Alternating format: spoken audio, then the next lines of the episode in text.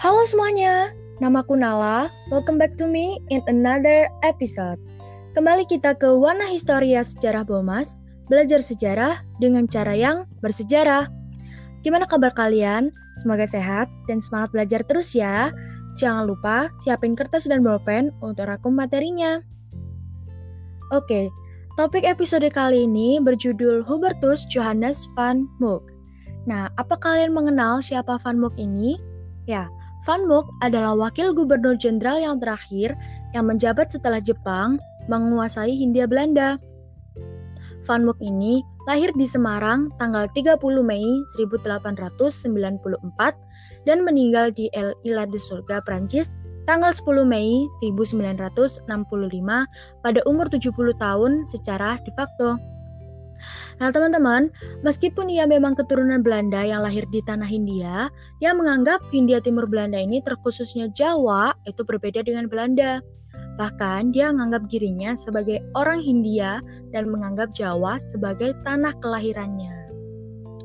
Nah, kita udah kenal Van Mook dari sisi identitasnya nih. Sekarang kita akan bahas bagaimana peranan Van Mook pasca kemerdekaan yang justru yang justru seolah-olah menenggelamkan tanah kelahirannya sendiri ke arah penjajah nih. Dan pastinya kita bersama guru sejarah Bomas kita yaitu Pak Al. Halo Pak Al. Iya, halo. Gimana Pak? Masih semangat? Pastinya masih semangat. Oke, nah Pak Al, ini kita sedang membahas tentang Van Mook ya Pak ya uh, aku ada satu pertanyaan nih. Peranan Van Van Mook pasca kemerdekaan itu gimana sih Pak? Apa ada keterkaitan antara perjanjian dengan pemerintah Indonesia pada masa itu atau gimana? Boleh Pak dibantu untuk jelasin ke teman-teman. Let's go.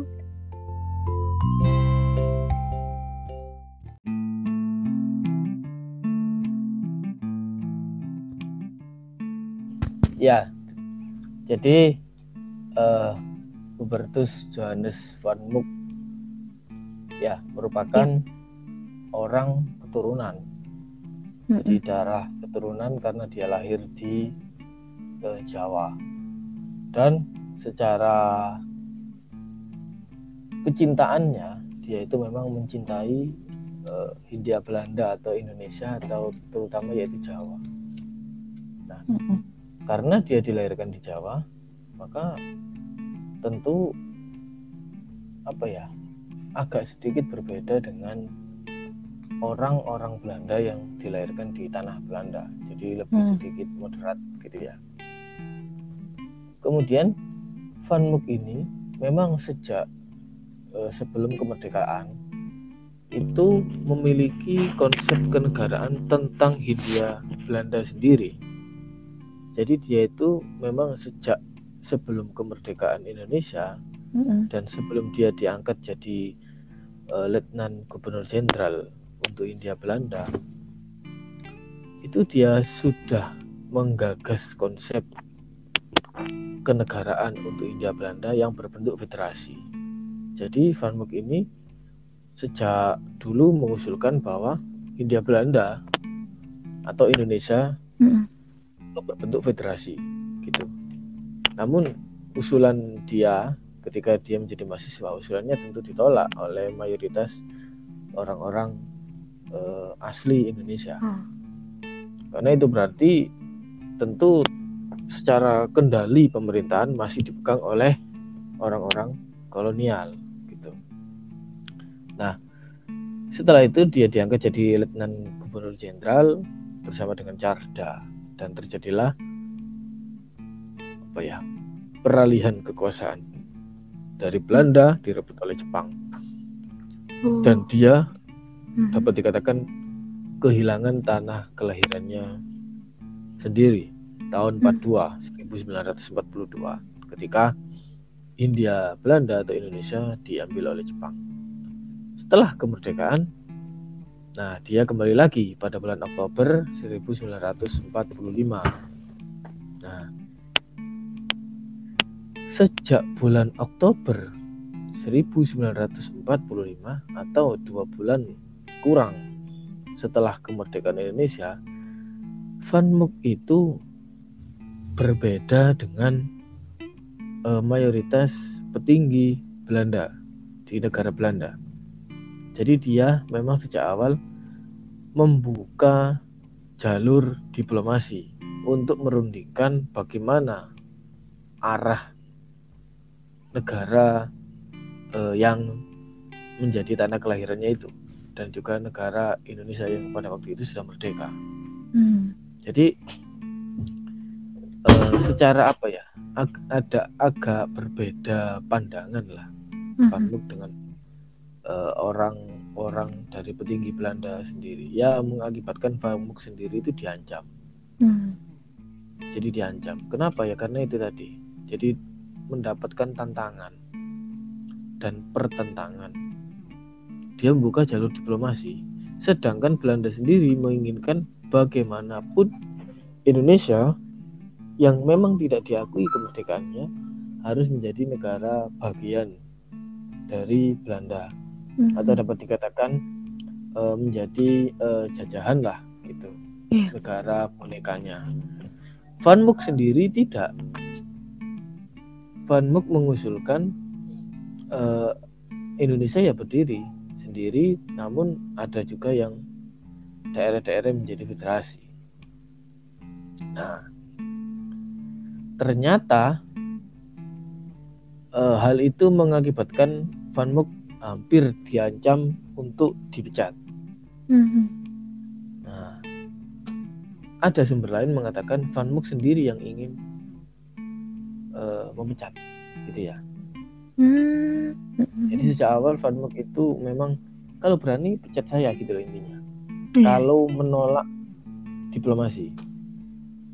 Jadi begini, uh, Van Mook ketika kembali setelah kemerdekaan dia kan tetap menjadi letnan gubernur jenderal hmm. ya. Hmm. Nah, maka dia yang me, apa ya bertanggung jawab atas pemerintahan Hindia Belanda versinya Belanda atau pemerintahan Indonesia. Nah, uh, Van Mook memilih jalur diplomasi, yeah. berbeda dengan Belanda pada umumnya. Maka pejabat-pejabat Belanda justru uh, memicu apa ya kemarahan bagi pejabat-pejabat Belanda dan mendorong Van Mook untuk dipecat dari jabatannya. Van Mook sendiri mengatakan uh, silakan aja dipecat. Namun ternyata dia tidak dipecat.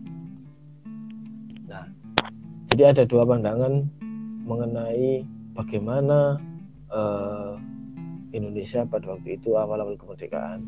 Bagi Indonesia, Indonesia sudah memiliki pemerintahan sendiri karena sudah merdeka. Bagi Belanda, Indonesia tidak diakui kemerdekaannya dan tetap uh, menjadi Hindia Belanda meneruskan sebelum direbut oleh Jepang. Jadi meneruskan.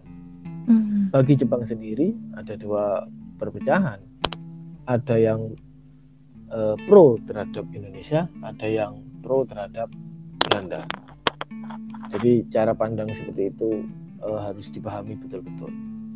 Mm, Oke. Okay, berarti okay. uh, secara pandangan Belanda merebut kemerdekaan Indonesia. Bagi Belanda mm. tidak mereka hmm. meneruskan gitu ya hmm. namun karena di kondisi Indonesia sendiri sudah merdeka maka bagi orang Indonesia Belanda merebut kemerdekaan gitu iya benar-benar saya kembali ke Bandung beruntungnya ketika uh, sistem pemerintahan Indonesia ber, uh, berubah menjadi uh, parlementer dan hmm. Syahrir diangkat sebagai perdana menteri bulan iya. November yeah. Nah, kemudian pada bulan eh, pada tahun 1946 Syahrir ternyata juga membuka peluang untuk berdiplomasi. Hmm. Dan memang berbeda dengan Soekarno. Dia lebih eh, terbuka gitu ya, lebih eh, moderat lah. Iya. Beda lagi dengan Tan Malaka. Pokoknya ada Belanda usir sampai hmm. habis. Hmm. Jadi uh, tokoh negarawan pada zaman dulu itu berbeda-beda pandangannya. Iya. Jadi Van Mook ini uh, seperti disambut dengan tangan terbuka. Gagasan dan idenya untuk menginginkan bernegosiasi dengan uh, pemerintah Indonesia. Berarti kan Van Mook secara terbuka mengakui adanya pemerintahan Indonesia. Mm -mm. Beda dengan Belanda secara umumnya. Nah, dan juga Syahrir juga membuka peluang diplomasi bahwa tidak serta merta harus eh, di apa ya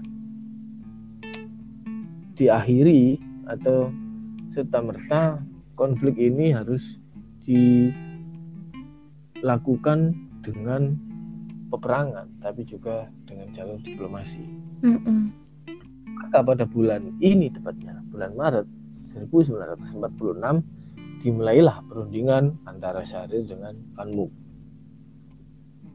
Nah, bulan Maret mulai perundingan dan bulan April diadakanlah konferensi yang bernama Hockey Velue yang intinya hmm. ya uh, adanya seperti perundingan yeah, yeah. antara uh, pihaknya Van Mook dengan pihak Syahrir. Syahrir. Nah, Logeman yaitu Menteri Urusan Tanah Jajahan, mm-hmm. Logeman sendiri tidak pernah mau bernegosiasi dengan Soekarno. Tapi kalau pengen negosiasi harus dengan Syahrir. Oh. Karena apa? Ya karena itu tadi uh, Syahrir lebih moderat dibandingkan Soekarno yang dianggap sebagai uh, anteknya Jepang hmm. seperti itu. Jadi itu itulah gambaran uh, Van Mook setelah kemerdekaan gitu nah. Oke. Nah, dari itu tadi peranan Van Mook pasca kemerdekaan itu sudah menghasilkan perundingan Oke Velu. Nah, kalau misalnya uh, ada nggak sih Pak keterkaitannya peranan Van Mook pasca kemerdekaan itu sama perjanjian um, perjanjian Linggarjati. Nah, ada nggak Pak keterkaitannya? Oke, jadi perjanjian yang di dicatat kan memang awal itu perjanjian Linggarjati ya yang tercatat karena memang OG Velo iya. itu tidak perjanjian. Hmm. Kenapa tidak perjanjian? Karena tidak menemui titik sepakat. Gitu loh. Hmm. Yang namanya perjanjian kan berarti sepakat. Hmm. Karena tidak sepakat maka disebut perundingan. Mereka berunding aja. Nah, jadi konferensi Hoki Velu tanggal 11 sampai 24 April itu ya. kan e, cerita panjang dari e, apa ya?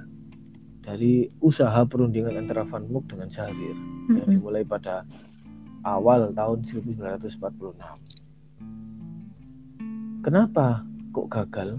Konferensi Velu ini adalah uh, upaya diplomasi pertama yang dibuka untuk pemerintahannya Van Mook dengan Syahrir dan gagal karena ada ketidaksepahaman bahwa Indonesia menginginkan tanah eh, Belanda mengakui Jawa, Sumatera, dan Madura sebagai Indonesia mm-hmm.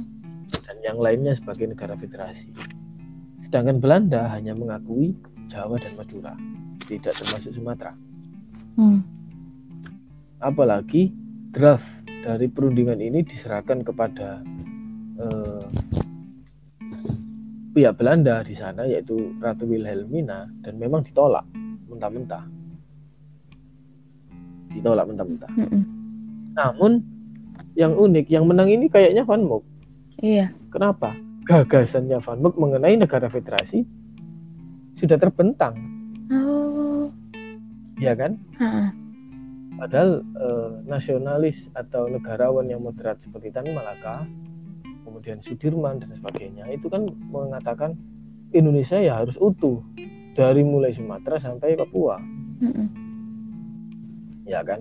Iya betul. Ternyata ketika proses perundingan awal yaitu Hukvelu meng, eh, terjadilah pembukaan pembicaraan adanya konsep yang mengarah kepada negara federal itu itu menjadi seperti menjadi jalan tengah atau titik tengah dari adanya kebuntuan Belanda menginginkan uh, Indonesia, Indonesia sepenuhnya mm-hmm. kemudian Van Mook uh, melakukan pelunakan sehingga diakui Jawa dan Madura Indonesia juga menginginkan sepenuhnya tapi juga me melunak sehingga mengakui Jawa, Sumatera dan Madura. Perdebatan ini terus berlanjut akhirnya sampailah menjadi perdebatan kedua, perundingan kedua yaitu di Linggarjati. Hmm. Karena apa? Adanya perang besar-besaran itu. Yeah. Jadi sebelum perang, perang eh, sebelum perjanjian Linggarjati, setelah eh, perundingan Hogvelu menuju perjanjian Linggarjati itu terjadi peperangan di berbagai wilayah antara eh, rakyat Indonesia melawan Belanda di hmm. berbagai wilayah. Mm Sehingga eh, jika terus menerus seperti ini ya eh, salah satu ya pasti gimana ya pasti rugi lah. Iya betul banget. Maka dibukalah perjanjian yang kedua. Sebelumnya dilakukan genjatan senjata terlebih dahulu. Nah, perjanjian kedua itu disebut perjanjian Linggarjati karena mencapai titik sepakat di mana Belanda mengakui de facto wilayah Indonesia meliputi Jawa, Sumatera, Madura. Hmm. Dan Belanda harus meninggalkan Indonesia 1 Januari 49. Inilah yang menjadi uh, tanggal resmi diakuinya hmm. Indonesia merdeka oleh Belanda yaitu 1949 ini bukan 45. Oh gitu. Bagi Van Mook dia menang hmm. karena ada poin ketiga yaitu Belanda dan Indonesia sepakat membentuk Republik Indonesia Serikat atau Federasi. Hmm. Namun ada negara berdaulat yaitu Republik Indonesia. Jadi beda RI dengan RIS. Republik Indonesia itu wilayahnya yaitu Jawa, Sumatera, Madura. Mm-hmm. Republik Indonesia Serikat ya selain itu yang memiliki pemerintahan sendiri dan tergabung dalam persemakmuran Indonesia Belanda dengan Ratu Belanda sebagai penguasa utamanya. Uh. Namun bagi Indonesia ada hal yang memenangkannya, yaitu apa? Apa? Belanda harus meninggalkan Indonesia tahun 49, yang berarti Indonesia fix merdeka. Uh, Nah, jadi uh, ada sam, ada poin yang sama-sama merasa mereka menangkan. Namun tetap saja itu merugikan bagi pihak-pihak e, nasionalis lainnya yeah. yang menginginkan tempur sampai habis karena bagaimanapun Belanda adalah maling mm -mm. ya kan yeah. maling yang ingin kemerdekaan bagaimana mungkin maling diajak berunding salah satunya konsepnya Tan Malaka seperti itu ah, iya, iya, iya. namun tentu Eh, pemerintah pada waktu itu juga sudah memikirkan bagaimana kondisi rakyat, bagaimana kondisi tentara, bagaimana logistik peperangan dan sebagainya. Hmm. Yang juga harus adanya kombinasi antara diplomasi dan juga uh, peperangan. Jadi seperti itu hubungan antara konferensi atau perundingan Hogvelu dengan Linggarjati gitu.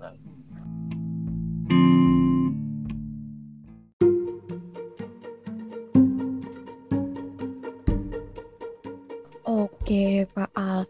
Oke, nah teman-teman kita tadi udah dengerin penjelasan dari Pak Al. Akhirnya kita tahu ya kalau misalnya Indonesia diklaimnya itu tahun bukan 1945 tapi 49. Terus juga kita tahu peranannya Van Mook di sini tuh uh, apa ya? Dia bisa membalanskan lah gimana caranya supaya Belanda sama Indonesia ini akhirnya sama-sama melunak, sama-sama uh, apa namanya? sama-sama melunak, sama-sama punya jawaban tersendiri yang walaupun itu merugikan beberapa pihak. Terus tadi juga kita udah tahu bahwa Wijk ini bisa sampai merembet ke perundingan Velo dan juga perjanjian Linggarjati. Oke nih Pak, eh, sebelumnya saya terima kasih banget untuk Pak Al karena udah jelasin materi yang panjang ini perjalanannya menjadi singkat sehingga teman-teman udah tahu masa amanan. Terima kasih juga buat teman-teman karena udah dengerin materinya sampai habis dan akhirnya kita semua udah ngerti ya gimana jalan cerita dari Hubertus Johannes van Boek ini. Oke kalau gitu finally we come to the end of the episode. Terima kasih ya semuanya. Semoga bermanfaat materinya. Sampai jumpa di episode selanjutnya. Dadah.